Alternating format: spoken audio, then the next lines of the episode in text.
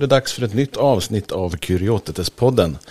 Eh, och idag så är det på det viset att mina eh, poddkumpaner eh, Daniel och Erland är icke närvarande av olika skäl. Och då tänker jag, då passar jag på här och bestämmer massa saker helt själv. Och för att slippa sitta här och babbla för mig själv så har jag bjudit in Anders Rosenberg. Hjärtligt välkommen. Och jag tänker du får gärna börja med att presentera dig själv. Vem är du? Ja, tack så mycket Horst. Det är väldigt hedrande att bli inbjuden till den här podden. Anders Rosenberg heter jag och är nybliv, ganska nybliven pensionär. Så jag har gått in i en ny fas av mitt liv. Tidigare jobbade jag på Värna och med läsutbildningen. Och jag har kvar några mindre uppdrag. Jag föreläser lite grann och har handledning. Horst och jag känner ju varann sedan en tid tillbaka. Och vi har ju bägge ett ursprung i Saltå. I Saltå by. Eller Saltå arbetsskola som det hette på den tiden när vi började där. Och jag kom dit på Första kontakten med Saltö var i mitten av 80-talet. Och jag tror för Horst del så var det i början av... Alltså du är ju uppvuxen där delvis. Så ja, precis. Men när du började det, jobba där. Den storyn behöver, behöver inte dra idag då. då men jag, min, min eh, jobb på riktigt så att säga som kvalificerade ingenting i, inom funktionshinderområdet. Då började i december 1989. Just det, och då var det ganska samtida. Jag tror jag kom dit 87 eller 88. 88 ja. tror jag det var där på, på våren. Och sen har jag varit på Salto och ända till egentligen jag började på Värna 2013.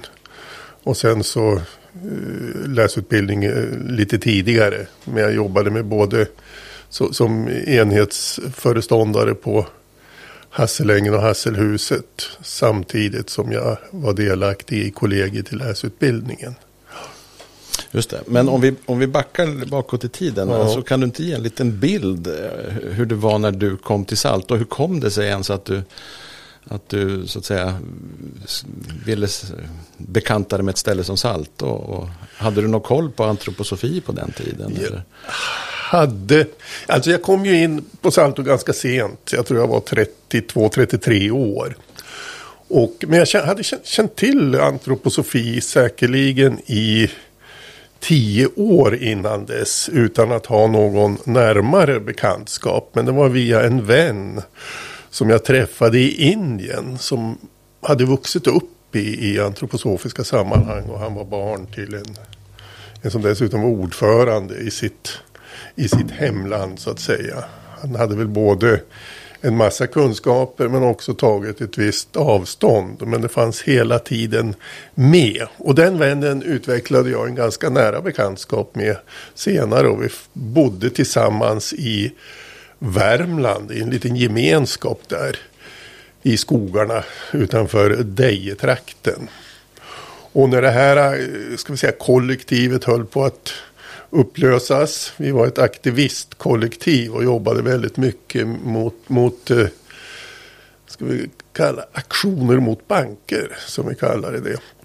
Och i synnerhet så var vi ganska vokala när det gällde hur banker pådyvlade människor skulder och hur skuldbördan i världen växte och hur skuldbördan i sin tur genererade o, vad ska vi säga, ohemula profiter och en rovdrift på samhälle och människor. Det var vad vi jobbade med. Och vi hade också ganska mycket internationella kontakter. Det var ett väldigt intensivt arbete. Men man kan ju inte påstå att det i sig genererade stadiga inkomster. Utan min idé var att åka upp till Järna och sommarjobba.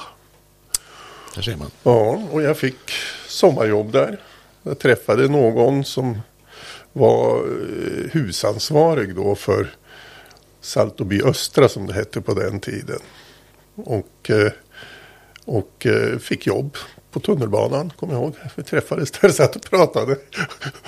Och jag hade haft kontakt med det här tidigare. För jag hade bott i Järna 84-85 och gått på allmänna linjen ett år. Och min dåvarande fru jobbade på Salto faktiskt. Så Salto var inte mig ofrämmande. Och jag kom till Salto, började jobba där. Och jag blev förälskad i Salto. Det var en mycket märklig känsla. Det, det, det är en, en, en, glädje att få jobba där och gå runt där på området. Nu var ju inte det här något lättsamt jobb. Det var det verkligen inte. Det var ett väldigt tungt och svårt jobb på Salto. Men just den där förälskelsen, den, den satt sig. Och den finns fortfarande kvar. Inte lika euforisk, men jag kan känna det när jag befinner mig på saltområdet. Så kommer de här äh, minnena från slutet av 80-talet tillbaka. Så de finns där. Det är mycket märkligt. Ja, eh, och nu är det som vanligt att vi gör saker och ting lite baklänges här då. För, men jag kom ju på det att för de lyssnarna och tittarna som då eventuellt inte riktigt känner till Saltoby eller Salto arbetsskola. Så kanske vi ska säga då att alltså, det är väl Sveriges andra eh, läkepedagogiska Precis. verksamhet. Som startade 1942. Eh, alltså då med, ja, det var eh, eh tonåringar som, som väl hade varit på Mikaelgården tror jag. Jag tror att det var det och det var väl framförallt eh, pojkar. Ja. Det var pojkar och flickorna var då på en annan verksamhet. Jag tror det var på Helgesta eller något Precis. sånt. Ja. Men 42 det stämmer ju bra. Och, och, och, tanken då 1942 det var att, att man skulle börja lära sig arbeta och det var arbete i lantbruk och så vidare. Ja. Arbetsskola som det hette. Precis. Och, arbetsskola. Och, ehm, och det var ju Salto arbetsskola när vi började. Det var ju före LSS-lagstiftningens tillkomst. Ja, den så kom att, ju 93, 94. Där. Ja. ja. Och, och, så tänker jag då att, att eh, det var ju väldigt annorlunda på den tiden. För att eh, man slutade ju aldrig vara elev så att säga. Oavsett ålder. Alltså jag minns, minns när jag började så hade vi då elever som var mellan ja, 15-16 och eh, i 50-årsåldern så att säga. Ja, ja, det var lite otydligt. Men de som var yngre de gick ju givetvis i skola ja. och de som var äldre hade någon form av daglig verksamhet mm. eller något arbete får man säga. Precis, ja, det är det man skulle kalla idag daglig verksamhet. Ja. Precis. Mm. Så det stämmer. Mm. Men det var just en brytningstid där också. Mm. Och sen blev det ju mycket mer strukturerat både när det gäller eh, vad heter det, LSS-lagstiftningen blev ju implementerad och, och eh, villkoren för anställda blev ju också, blev ju också ordning och reda på så att mm. säga. Mm. Jag tänker också, det, det brukar sägas lite grann att, i alla fall på den tiden, att det var ett av de lättaste jobben att få, men svåraste jobben att göra. Det stämmer ganska bra. Ja, man fick ju jobbet ganska omgående. Och jag tror när jag blev intervjuad där så såg väl de flesta att jag ändå kanske var en ganska pålitlig person. Så att jag, jag fick jobb samma dag som jag sökte så att säga. Ja. Relativt pålitlig person, då får man väl tillägga. Men man bedömde att jag skulle klara av jobbet i varje fall. Mm. Ja. Mm. Men eh, meningen var, alltså du sa att du blev förälskad i? Ja, jag blev förälskad. Istället. Jag blev förälskad i miljön. Mm. Jag blev förälskad i, i människorna. Och jag blev också förälskad i metoderna som fanns där. Mm. I, I bemötandet. Och just den här känslan av att vi, vi, vi sitter alla i samma båt. Det tyckte jag var en väldigt stark känsla. Att det var, det är klart det är alltid skillnad mellan människor. Man kan säga att de som är normalstörda och människor då med utvecklingsstörningar eller, eller hjälpbehov. Men det var mindre än på andra ställen. Jag hade tidigare jobbat inom mental, mentalvården så att säga. Men det, det här vi och dom-tänkandet var inte alls lika starkt. Utan vi befann oss i en form av ett starkt ord så att säga. Men det känns som vi befann oss i en ödesgemenskap. Att vi hörde ihop. Och det var också en, en stark upplevelse för mig. Att få, få uppleva det på en arbetsplats. Ja. Men jag tänker, för, för du gjorde väl sen någonting annat in emellan va? Så Ja, du, du gjorde några år på Jag Salto? var något år, ett eller två år på Salto. Så att, alltså, jag tänker, var, med. Sen intentionen, var, var den liksom att ja, men här ska jag vara eller var det liksom? Alltså, jag- det är lite svårt att säga. För man har så många drivkrafter. Och tillsammans med min dåvarande familj då, så åkte vi till Palestina. Och var borta ett par år. Jobbade för eh, Diakonia på ett rehabiliteringssjukhus i Ramallah. Som ligger ut, ja, ett par mil utanför Jerusalem kan man säga. Och där var det då ungdomar som hade blivit skjutna under uppror under intifadan. Och hamnat i rullstol helt enkelt. De hade protesterat och kastat sten och blivit skjuten av israelisk militär. Och de här ungdomarna de gömde sig undan i byarna. Och drabbades av eh, både liggsår och eh, problem med njurarna på grund av att kisseriet inte funkar om man har blivit eh, tetraplegiker och paraplegiker, alltså, alltså förlamad då. Så det här var då en insats som eh, palestinska, mynd, eller palestinska myndigheter gjorde tillsammans med, med Sverige då, och Sida. Och så kanaliserades det genom, genom Diakonia. Och det blev en väldigt bra utveckling där i Palestina då de här pojkarna fick möjligheter att rehabiliteras som det heter. Att kunna använda sig av sina eh, möjligheter. För det första så fick man då från Sverige bra rullstolar. Sådana här lätta aluminiumstolar med lite snedställda hjul. Så att man kunde spela basket och klättra i trappor med och vara lite tuffare mot varandra. Det var framförallt pojkar som hade blivit skjutna i det här fallet. Och sen kom det ner människor som jobbade med de här från rekryteringsgruppen och så vidare. Så att det, det blev en framtid för de här killarna. Att bli förlamad eller handikappad, funktionsnedsatt på det sättet var inte slutet på livet. Utan man kunde fortsätta ha ett liv. Och man behövde inte gömmas undan i byarna. Och det här fanns ju, det fanns ju en, en vilja hos befolkningen där nere att och, och, och hjälpa de här killarna och göra någonting åt det. Men att resurserna var ju lite dåliga. Men som tur var så kunde då, då eh, Sverige i det här fallet bidra då via Diakonia och Sida. Mm. Och sen så när det var avslutat efter, jag tror sammanlagt var vi där tre år. Men det blev fyra år eftersom vi, vi kom inte direkt tillbaka till, till Järna så att säga. Utan gjorde ett uppehåll i Frövi. Men sen så började jag om igen på Salto. Och Det, det, var väl där jag kände att jag hörde hemma kan man säga. Just det. Jag tänker om, om vi stannar lite grann kring, kring dina eh, erfarenheter från, från eh, Palestina. Ja. Eh, jag tänker, eh, för det, dels så är det helt klart andra omständigheter. Men, men jag tänker så här, eh, ja, om, man, om man jämför liksom dina erfarenheter från, från Salto då, som du hade innan så att säga. Och då var det såklart annan typ av, av funktionsnedsättning. Men alltså lite människosyn, alltså hur funkade det mellanmänskliga och, och så. Ur, alltså om man då jämför liksom olika kontexter kulturellt och Alltså, Ja. man brukar ju, alltså jag brukar säga liksom att vi har ju rätt mycket lyxproblem i, i, i Sverige. Ja, Både då och nu, det, så att säga. Det har vi ju givetvis. Men sen är det ju så att problem är alltid problem. Och på det viset är vi ju likartade alla kulturer. Att vi har ungefär samma eh, upplevelser av problem skulle jag kunna säga. Men vad jag hade med mig ifrån läkepedagogiken, socialterapin till Palestina, det var att jag kunde känna igen människor med särskilda behov. Och jag tror inte man var...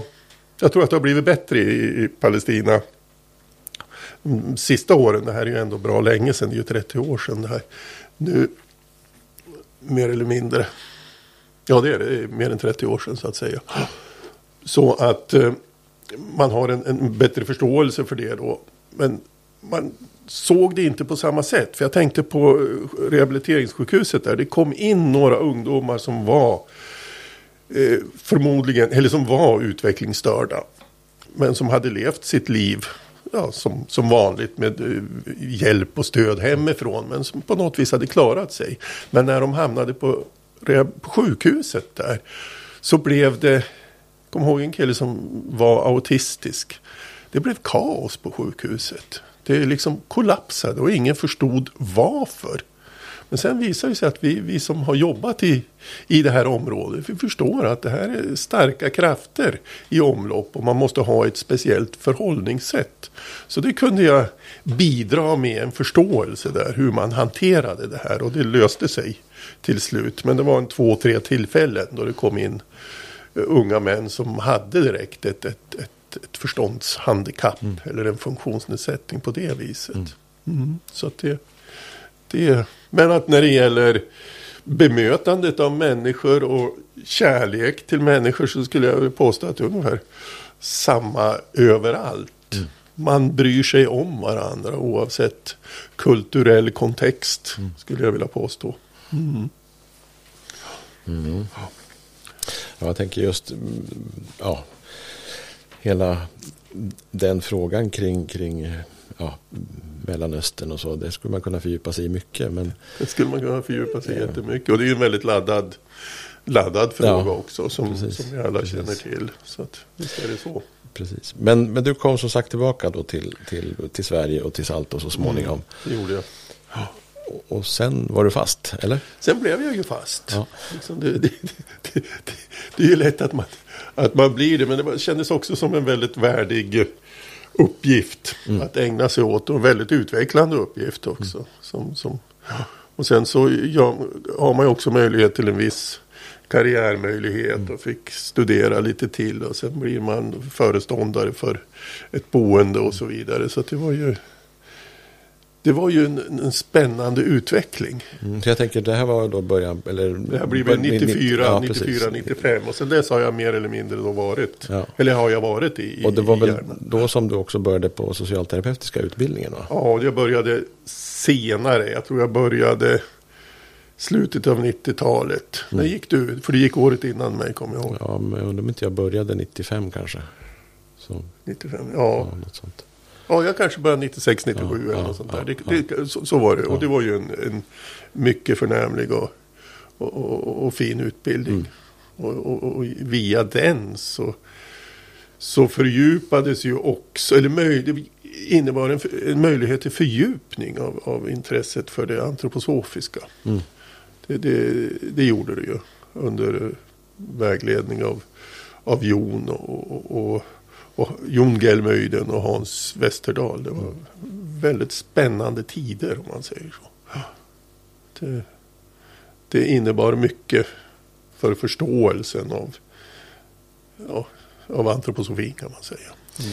Jag tänker alltså, under utbildningen där, alltså, jag, jag, tänker då såklart på mina egna erfarenheter, men så här, vad vilka utmaningar ställdes du inför utifrån dig själv så att säga under studietiden? Liksom? Eller, eller var det bara liksom att det här var ju jättemysigt? Och... Alltså jag, jag, jag tror jag måste nästan säga det att det här var ju jättemysigt. Mm. Och det här var en förmån att, ja. få, att få göra det här också. Ja, det fördjupade det sammanhang man befann sig i på, på Salto. Mm. Det, det, det, tycker jag. Så att för min del var det en väldigt positiv upplevelse att få göra det. Mm. Och jag tänker alltså, in, alltså du har ju massa erfarenheter och kunskaper med dig innan du börjar på, på, på just den utbildningen så att säga. Vad... Alltså ja, det stämmer ju. För att jag har ju alltid eh, låter som en sliten kliché. Men jag, eh, under en lång tid, alltid kan jag väl inte säga, men åtminstone sedan 18-19 års åldern har jag haft en väldigt starkt intresse för andliga ting och studerat det ganska ingående på, på eget vis då, inte via eh, högskolestudier och sånt där. Men har studerat själv buddhism och hinduism och yoga och new age och även kristendom måste jag säga. För under en ganska lång tid så var jag också en trogen kyrkobesökare och lärde mig att måla ikoner. Mm. Deltog i den aspekten av, av, av andlig skolning skulle jag vilja påstå, skulle jag vilja kalla det så att mm. säga. Men mitt huvudsakliga intresse var nog den esoteriska delen av, av eh, kristendomen. Men jag var väldigt nöjd att gå i kyrkan och mm. ta emot bröd och vin och sjunga salmer och umgås med andra människor i samma situation. Det var, det var en, en väldigt fin upplevelse. Jag gör det gärna fortfarande. Jag går, går emellanåt till, mm. till kyrkan och tar gärna emot brödet och vinet så att säga. Jag tycker det är en, en, en förmån också. Mm. Bland alla andra förmåner i livet. Mm. Nej, för, för jag, tänker, alltså, jag får för mig då kanske att, att eh, jag gjorde saker och ting lite bakvänt i förhållande till dig. För att jag hade nog inte så mycket studerat så mycket livsåskådningsfrågor och så innan jag kom i kontakt med, med eh, antroposofi så att säga. Mm. Och har skaffat mig liksom andra kunskaper och erfarenheter efterhand. Eh, och då, alltså för mig var den här studietiden ganska ofta, alltså det var väl nästan efter, alltså vid varje terminsavslut så fick jag liksom lite grann kämpa med mig själv för att komma tillbaka. Alltså det var utmanande så att säga. Ah, ja. och, och, och, ibland så, så alltså, jag minns någon gång som Eh, ja, jag kommer inte ihåg vad vi hade haft för, för tema precis. Men, men jag tänkte alltså att den här Steiner, alltså antingen så var han helt tokig eller så var han ett geni. Liksom. Eh, och, eh, men sen då när, när jag har studerat andra saker så, så eh, har jag också kommit till det att ehm, Steiner måste ju ha varit väldigt ehm, liksom också präglad av sin samtid och väldigt, eh, väldigt orienterad, alltså både alltså i alla möjliga frågor, historiskt och, och så vidare. Eh. Ja, det, det, det är jag övertygad om. Väldigt präglad och väldigt orienterad mm. framför Det intrycket får man ju som en människa som är verkligen intresserad av ja. vad som händer Nej, för det, det som jag tänkte komma till var då, alltså det mm. som du har studerat tidigare så att säga, alltså fick, kom det i ett annat perspektiv när du kom i kontakt med antroposofi? Eller liksom... Ja, det har det väl gjort på många sätt. Det finns ju en, eh, vad ska man säga, det är ju något man känner igen i antroposofin. Och det är ju framför allt att man hamnar i ett sammanhang som är så pass väsensartat. Om jag nu får ta ett sånt ord i min mun. Men man känner ju väldigt tydligt att det finns någonting som påverkar verksamheterna här i hjärna. Du träder in i vissa lokaler, i vissa sammanhang. Man känner att det finns någonting bakom det som syns här. Mm. Bakom färgen på de här väggarna. Mm. Bakom doften i köket. Bakom, eh, ja egentligen bakom allting. Mm. Liksom. Bakom bemötandet. Och det är, det är väldigt påtagligt att den andliga verkligheten. Eller ska vi säga den andliga ja, andliga verkligheten blir på något sätt synlig via det antroposofiska. Mm. Det tycker jag. Det är som en, eh, en modern form av shamanism, skulle man kunna säga. Mm. Där den, eh, de olika skikten i världen blir påtagliga. Du har liksom en, en, en förankring i jorden till och med i underjorden skulle man kunna säga. Någonting som strömmar upp genom dina fötter som du kan bli varse. Någon form av kraft. Och samtidigt så hämtar du ju väldigt mycket inspiration och eh, även intuition ifrån de himmelska skikten eller från ovanvärlden skulle man kunna uttrycka det som också.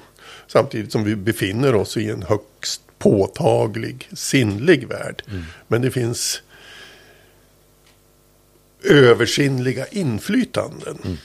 Och det är väl det man, man äh, märker, och det tror jag alla människor märker. Men det är alltid svårt att sätta ord på det där. Mm. För alla som besöker en antroposofisk verksamhet eller ett antroposofiskt sammanhang uttryck. Oj, vad, vad, det här var en speciell atmosfär, mm. en speciell stämning. Och här kan jag slappna av eller här vill jag vara. Mm. Kan ju säkert också generera känslor som att här vill jag absolut inte vara. Men de är nog ganska sällsynta tror jag. Mm. Jag tänker, har, har, du liksom eh, varit i någon annan miljö och fått likartade upplevelser? Som i våra, ja, det, det, det, det, det, kan, det kan jag påstå att jag mm. har gjort. För, för det, som, det som jag far efter lite grann det är ju ja. att alltså, vi, vi slänger oss med begrepp som att, att, att ja, men här var det verkligen andefattigt. Ja. Eh, och, och, det tycker jag det är nästan så att säga ganska lätt att eh, ja, identifiera de andefattiga platserna. Ja. Så, eller sammanhangen eller byggnaden eller så. Alltså för det, jag tänker det är skillnad att, att liksom gå in i en, en gammal kyrka till exempel. Och den är ju inte andefattig. Nej, precis. Och sen så går man in på något hypermodernt eh, kontorslandskap. Ja. Eh. Och det kan ju upplevas som andefattigt. Ja, kanske lite mindre i alla fall. Åtminstone. Ja, ja, Men sen är det ju alltid andliga verkligheter bakom allting. Såklart. Mm. Till och med bakom det här hypermoderna köpcentret. Ja, eller ja, så finns, ja. finns det ju liksom det andliga realiteter det också så att säga. Så att det hur man lägger upp det. Man kan säga inom antroposofin så finns det ju då en, en medvetenhet om de här spirituella andliga processerna som mm. man försöker åskådliggöra på olika sätt. Mm. Och det blir ju väldigt tydligt i, i i Värnas kärnvärden där. Mm. Som vi bägge känner till. Mm. Horst är ju ordförande i Värna. Jag vet inte om du har presenterat. Jo, det har jag talat om. Du presenterat I första avsnittet. Ja, ja, ja. Så, så Horst har varit min chef på, på, på Värna kan man säga. Men, men just det där i arbetet med kärnvärdena och, och Värna-garantin så, så, så, är det ju där väldigt, väldigt tydligt. Och det blir ju också väldigt, väldigt tydligt i de läkepedagogiska och socialterapeutiska sammanhangen. Att mm. det, här, det här finns här alltså. Det gäller bara att övertyga människor som jobbar med det här att det, det, det finns en sån verklighet. Vi jobbar i en sån verklighet, i en sån spirituell verklighet. Och där tror jag också är väldigt viktigt att betona att, att, att uppfatta det andliga har, ingen, har inte nödvändigtvis med det religiösa att göra. Nej, nej. nej. Det, det, det, det, har det inte. Och jag tror att i Sverige så är vi lite rädda för det andliga därför att det tangerar det religiösa. Och då mm. tänker jag, måste jag bli religiös nu? Mm. Liksom? Måste jag bli lutheran? Eller mm. sånt där, för att överhuvudtaget få prata om det andliga. Men så är ju inte fallet. Och jag tror ju också att det är väldigt klokt om man jobbar för ett sekulärt samhälle parallellt med det. Liksom. Varför ska vi ha ett religiöst styrt samhälle? Det mm. finns ingen anledning till det. Liksom. Men man kan ha ett, en eh, andlig förståelse av livet och ändå bejaka ett, ett sekulärt samhälle. Det, det tror jag är ytterst viktigt. Mm. Mm. Ja, det här väcker ju många tankar då förstås. Eh, för att det är ju väldigt speciellt, eh, tänker jag, alltså i, i Sverige just att vi är väl bland de mest sekulariserade länderna ja. i världen så att säga. Och, ja. och på något vis så eh, ja, det här med, med, med, religion och tro och sådana saker. Det är, näst, det är inte helt okej okay i alla Nej, sammanhang. så, att säga. Och... Så, så, är det ju givetvis. Men det är en eh, felaktig perception av mm. saker och ting tänker jag. Det märker ju bara åker till ett, ett annat land mm. ute i Europa eller åker till England eller till USA mm. så, så, så, finns det en annan möjlighet att tala om de här sakerna. Mm. mm. Liksom på ett, ett, ett, både ett filosofiskt sätt och ett, ett akademiskt sätt. Och alla, alla mm. möjliga vägar är öppna på ett annat sätt. Mm. Liksom lite mer slutet här i Sverige. Men eh, jag ser inte det som något jätteproblem egentligen. Nej. Nej. för samtidigt så alltså antroposofin ska ju så att säga vara öppen för oavsett eh, andra trosföreställningar Ja, så att säga. ja. Att, att, jag menar, eh, det finns antroposofiska verksamheter i, över hela världen. Och, och, alltså i, eh, jag tror både muslimska sammanhang och judiska sammanhang och kristna och, Kinesiska Ja. med sin... och hin, hinduistiska sammanhang och Ja, så det vidare. gör Ja. det. Så att det, det, det är en, absolut en möjlighet Mm. som har öppnats den vägen. Mm. Men jag tänker sekulärt, det är väl mer att man har sekulära uppfattningar så att man inte börjar pådyvla människor religiösa normer så att säga. Som säger att du måste gå antingen klädd på ett särskilt sätt Nej. eller att du måste tänka på ett särskilt sätt eller ha vissa uppfattningar. Det, det, är- det är skönt att slippa det, tänker jag. Precis. Mm. Men att vara öppen för andliga frågor, det är ju en annan sak. Liksom. Och det är väl det som jag uppfattar att antroposofin vill bidra med utan att lägga allt för tunga tripper på folk. Sen kan det ju bli tunga tripper ändå. Ja. Men det är av andra, andra skäl i så fall. Men jag tror att grundintentionen är att hjälpa människor att upptäcka sitt eget förhållande till det andliga. Det, det, det, det tror jag. Ja, om vi ska lite backa tillbaka till Salto då Ja. och så vidare. För att alltså då, eh, efter att du hade gått socialterapeutiska utbildningen, det var väl då som du vart så småningom föreståndare? Och, och Ja, så. det stämmer. Ja. Ja. Och, och jag råkar känna till en, en liten historia där, första gången du blev tillsynad av Länsstyrelsens Ja, tillsyningsman. Ja, ja. Eh, Vad var det som hände då? Det kommer inte jag ihåg. Du får berätta. Du får, måste Jo, men- påminna mig. Ja, du, du, var inne på, du berättade där i början om, om din tid i Värmland. Mm. Med aktioner som, som ni hade gjort. Ja, och det, alltså, vi eh, hade ju en ganska brutal variant. Där vi krossade fönsterrutor till storbanker. Delade ut flygblad och gjorde en aktion, en happening runt det här. Alltså vi krossade bankrutor. Och det ledde ju till att vi blev åtalade för grov skadegörelse. Så jag hade ju ett sånt eh, vad ska man säga, jag hade en sån eh, brottshistorik då. Och, då blev, och då blev ju eh, Länsstyrelsen lite tveksam där om det är möjligt att skulle, kan han jobba som föreståndare som faktiskt har begått grov skadegörelse som det till och med kallades då alltså. För det är ju ganska stora de här, de här eh, Glasrutorna. Ba- Bank, bankrutorna, Ja, ja, glasrutorna där så att säga. Men vi gjorde det ju också på ett sånt sätt. Det här var ju ingen hit and run så att säga. Mm. Vi stod ju kvar och idén var att bli arresterad för det Mm. vi hade gjort. Och förebilden, det var ju plogbillarna Mm. i USA som då bröt sig in på eh, militära områden och gjorde symboliska aktioner mot militarismen. Och framförallt då kärnvapen, där man hade små hammare som man gick och hamrade på nukleära stridsspetsar så att säga. Och sen väntar man på att bli arresterade. Och de fick ju i en hel del fall ganska långa fängelsestraff för det här. Och det var ju människor som både var munkar och nunnar och hade tidigare varit munkar och nunnor och så vidare och andra människor som gjorde det här. Och vi såg det här som en eh, förlängning av de aktionerna genom att på något vis påvisa hela vårt ekonomiska systems ohållbarhet. Och det har ju visat sig att nu har vi ju blivit validerade i vår uppfattning. På den tiden var det inte många som fattade vad vi gjorde så att säga. Nej. Det var mer av, som det stod i en artikel i Dagens Nyheter. De hade skrivit om en aktion som de hade gjort uppe i Stockholm. Då skrev de Varför gör det på detta viset? Som rumpnissarna då liksom. De här skogsmänniskorna ifrån Värmland. Varför gör det på detta viset?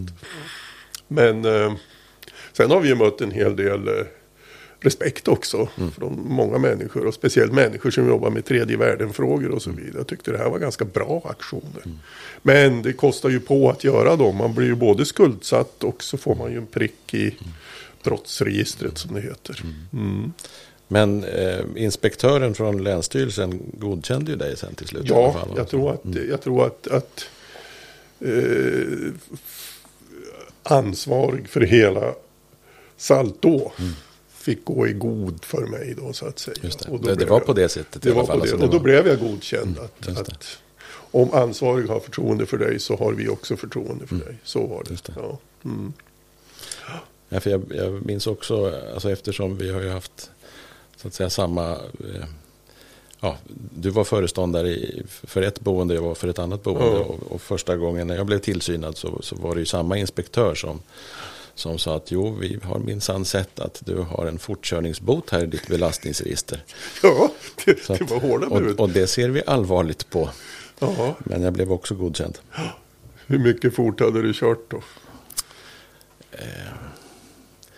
Det, det komiska var att, att jag, jag blev omkörd av den civila polisbilen först. Och sen när jag väl hade kommit upp på motorvägen så fick jag upp farten. Och då körde du om det? Och då så körde jag om den. Där såg inte att det var någon polisbil för det syn, syntes inte. Nej. Men eh, ja, det, det var ju, det kostade pengar. Gjorde det. Ja, ja, Jag minns faktiskt inte ja, hur fort det gick. Nej, men de är ju noga, men får de ett bra svar och, och så tror jag att de nöjer sig med det liksom. Det är väl att kolla vad, vad människan bakom böterna eller fängelsestraffet som det blev i mitt fall. Då, liksom, vad, vad, vad är det för människa? Just det, är en, det är en ganska bra hållning tycker jag. Liksom, hur, hur man ändå eh, det, det, det är det positiva med Sverige kan Ja. jag tycka. Liksom. Också att, att man ger vissa chanser till människor. Ja. Det, är inte, det är inte dåligt. Jag tänker, ehm, ja nu, nu har vi liksom gått lite framåt i tiden, men, men ganska snart så, så började väl du också bli undervisare. Så, eh, hur, när, när var det så att säga? Alltså, läs, läsutbildningen då, den läkepedagogiska och socialterapeutiska utbildningen som, som ännu finns kvar idag. Ja, det bil- bildas ju ett, ett kollegium då. 2004, 2005 faktiskt. Tillsammans med, det var jag och Christian Texier. Mikaela Stenius och Helene Blomqvist. Och Gerard Lartaud var ju initiativtagare till den här eh, utbildningen. Och det var en sammanslagning mellan Ja, den kom ju senare, förlåt. Vi började med Spira 2004-2005. Och vi gjorde ju en sorts eh, samman... Vi, vi, vi- tog en del eh, vad heter det, antroposofiskt material, läkepedagogiskt, socialterapeutiskt material och byggde upp kring det. Men samtidigt så hade vi också en utbildning som handlade väldigt mycket om LSS. Ja. Och det blev ju ganska mycket en succé. Samtidigt så var det ju tre utbildningar då. Vårdinge fanns kvar och den läkepedagogiska och socialterapeutiska utbildningen. Eller läkepedagogiska. Sen blev det en sammanslagning 2009 mellan den läkepedagogiska och Spira. Spira-utbildningen, då var det eh, Per-Arne Fial från Solåkra, Bosse Kvist från, eh, vad heter den utbildningen? Det boendet. Eh, Vallmotorp. Vallmotorp, det. Mm. Och så- Och så Gerard. Och så blev jag och Christian inkopplade. Men sen blev vi ett, ett nytt kollegium då när läsutbildningen bildades 2009. Mm. Och då var det tillsammans med Helena och Mikaela. Just det. Ja. Så, så, så såg det ut. Ja. Så Och man kan där- säga, du har varit utbildare då i, i många år, Ja, parallellt som du jobbade Ja, som, det, som boendeföreståndare. ja det, det var det. Och det var ju lite, kanske lite mycket att hålla i men det var väldigt, väldigt roligt samtidigt. Det, det, det måste man säga. Jag tänker då dina erfarenheter då från, från att ha studenter eller elever så att säga. Alltså för att i, i läsutbildningen idag så, så förekommer det en hel del antroposofi. Ja, Eh, och jag tänker att eh, det är väl också ibland utmanande för studenterna. Jag tänker, vad har du... Jo, det är det. Och det där varierar ju lite över tid. Idag tycker jag att intresset sedan ett par år tillbaka är större för de frågorna än det var kanske 2004-2005. Det har skett en liten svängning där. Och att man gärna vill höra mer om de, den ska vi säga, spirituella bakgrunden till läkepedagogik och socialterapi. Man är, man är mycket öppnare för det idag tycker jag. Det är, en, det är min uppfattning av det. Ja. Sen är ju det här vuxenstuderande till stor del. Mm. Det är motiverade människor. Oerhört begåvade människor också till stor del skulle jag vilja påstå. Mm. Det, det, är, det här är människor som också har en livshistoria. Så det blir en väldigt spännande dynamik i, i klassrummet och i, i, i sammanhanget. Mm. Absolut. Mm. Jag tänker, du, kan du komma ihåg någon sån här eh, svår, svåra frågor som du har fått? Så att säga? Svåra frågor? Ja. Jag tycker svåra frågor hela tiden. Men eh, du tänker just om man tittar på det här liksom mer antroposofiska ja, ja, precis, området där. Mm. det var en svår fråga. Jag, jag, jag får nog nästan passa den ja, frågan. för att den... Eh, ingen sådär som jag kom, kommer direkt Nej. på där som liksom har, har golvat mig Nej. eller något sånt där. Men det kommer säkert. Ja. Det kommer säkert. Ja. Nej, för, för till saken hör väl också att, att de som studerar har ofta ja, en viss tids arbetslivserfarenhet från, från så att säga, ja. någon, någon läkepedagogisk verksamhet. Ja, de flesta har ju det. Ja. Mm. Ja. Ja. ja. Jag tror de flesta också bejakar sina arbetsplatser. Mm. Det, det, är klart, det finns alltid någon människa eller några som kanske är missnöjda och har blivit dåligt behandlad och mm. sådär. Men jag tycker ändå att i det stora så finns det ett väldigt bejakande av, mm. av, av, sina arbetsplatser. Det är det. Jag tänker också då när, när, du jobbar som föreståndare så har du haft väldigt mycket kontakt med, med eh, både anhöriga, föräldrar och, och, och myndighetspersoner och så vidare. Ja. Um, alltså vad, vad, om man skulle säga idag sådär, alltså vad, vad varför ska man till exempel eh, välja att, ha, att, att ens barn har sin skolgång på Salto till exempel? Ja, jag tror att det handlar väldigt mycket om bemötandet. Mm. Det handlar om att det finns människor som arbetar på Salto som vet hur ett korrekt bemötande går till. Mm. Som kan se personen på ett lite djupare sätt mm.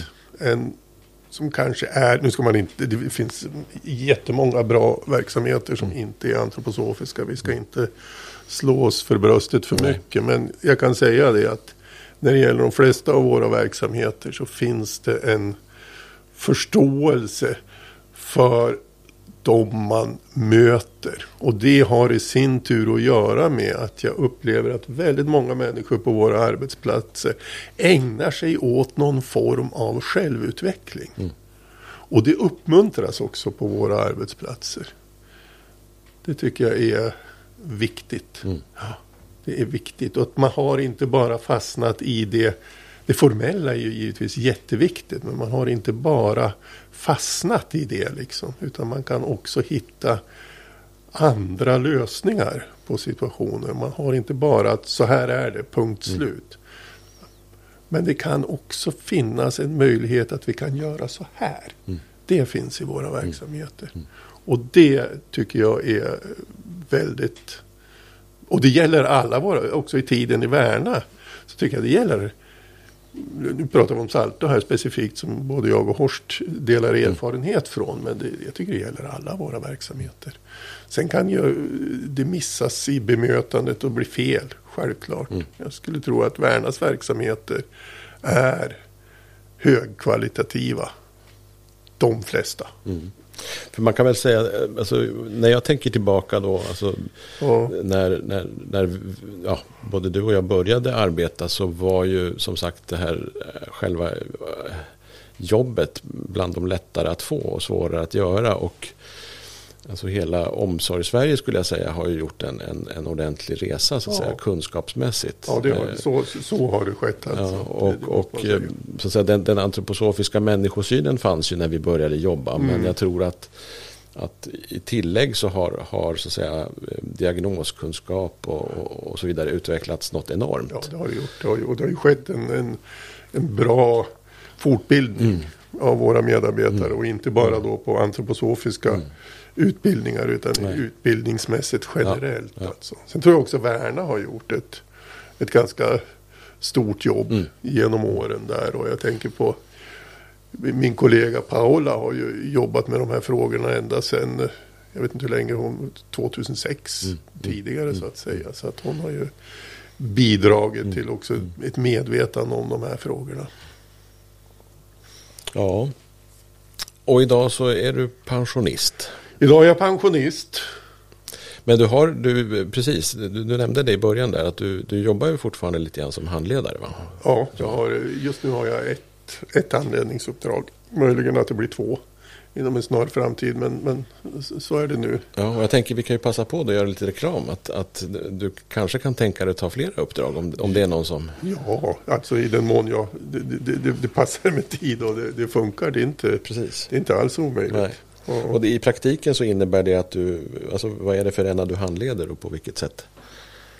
Alltså det är ju en eh, grupphandledning. Mm. Speciellt för, för människor som jobbar inom omsorg. Oftast är det boendegrupper. Mm. Men det går ju även bra med, med, med eh, eh vad heter det? arbetstagare, daglig verksamhet. Mm. Även mm. eh, skolsituation skulle säkert också fungera. Så det, det, är ju det. Och eh, vad det blir ganska ofta när jag har handlat på olika av våra verksamheter så är det också att man tar tag i lite mera specifikt läkepedagogiska och socialterapeutiska frågor. Mm. Och även kanske vågar benämna det här med den, den andliga utvecklingen mm. och den andliga skolningen. Det mm. finns med där. Ja. Men, men om man då som, som pensionist så att säga, hur, hur eh, jobbar du med antroposofi idag? Hur jobbar jag med Jag läser framförallt. Mm. Jag läser en hel del.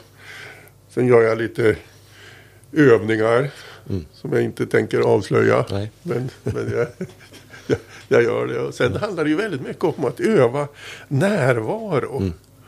Öva medvetenhet. Liksom. Och det kan man göra på så många olika sätt. Och sen är det ju så att när man blir äldre så är man ju också medveten om att tiden är relativt utmätt. Mm. Så det gäller att göra något vettigt av den. Mm. Det, det, det kan jag känna mm. väldigt, väldigt starkt. Alltså. Mm. Och när du inte studerar eller vad ska man säga, intresserar dig för antroposofi, vad, vad studerar du mera? Jag studerar gärna Eh, politik faktiskt. Mm. Jag är väldigt intresserad av politik och jag följer nyhetsflödet. Jag har till exempel en eh, massa appar i min telefon på utländska tidskrifter mm. som jag gärna läser. Och försöker fördjupa mig i vad som händer i världen idag. Det är jag väldigt intresserad av. Mm. Och sen så eh, försöker jag hålla vissa kunskaper som jag har förvärvat tidigare som astrologi och sånt där vid liv. Mm. Det, det, det, tycker jag också är väldigt spännande att göra. Men jag läser väldigt mycket, det, mm. det, det måste jag säga. Eller inte, kanske, det beror på vem man jämför med, men jag läser en hel del får man säga. Mm. Ja. ja, för min egen personliga upplevelse är ju att, så att säga, det antroposofiska arbetet, eller ja, för min egen del, blir ju berikat av att liksom ta in andra infallsvinklar. Och, och se vad som lever i samtiden och, mm. och, och så vidare. Ja, och det, så, så, är det ju. Och vice versa då förstås. Ja, ja. Mm. mm. Man har möjlighet att kunna applicera saker mm. och ting på varandra. Mm. Och se vad det är som klingar. mm. Ja, eh, jag tror att det börjar bli dags för att runda av. Ja. Eh, vi har ju varit inne på väldigt många olika spår så att säga utifrån. Ja, det är lite spretigt det, det, som mitt liv är spretigt. Ja, precis. Eh, ja. Men, men det, det, leder ju till också att, att jag ser ju att, att um, samtalet kan ju fortsätta och vi ja, kan nog förmodligen fördjupa oss i, i något tema eller några teman framöver. Absolut, det finns väldigt, väldigt många teman att, att ösa ur. Ja. Eh, och sen så tänker jag då som, som vanligt säga till, till eh, lyssnare och tittare att kom gärna med eh, synpunkter eller så. Vi finns på eh, Instagram och på Facebook, Kuriotetestpodden. Eh, och man kan nå oss också via e-post kuriotetestpodden gmail.com. Eh, och sen så har jag såklart glömt, det skulle man ha sagt först, men nu säger jag det sist. Det Erland brukar säga att i det här sammanhanget så har vi ju bara företrätt oss själva. Så att om det är någon som vill beskylla oss för någonting så får man göra det liksom till, ja. till Anders då eller till ja, mig. Ja. Om man tycker att vi har... Ja, det är viktigt att, tillägga så, att vi, vi, pratar inte i någons namn. Nej. Nej. Precis. Men som sagt, eh, kom gärna med, eh, med synpunkter och uppslag. Um, har du någonting mera som du skulle vilja tillägga just nu? Eller? Jag vill bara tacka för möjligheten jag fått att bli intervjuad av dig ja. här Horst. Det tycker jag var ja. trevligt. Trevligt att sitta här i de här lokalerna också. Ja. Mm. Jag får tacka dig så mycket Anders. Mm. Och eh, vi hörs och ses igen.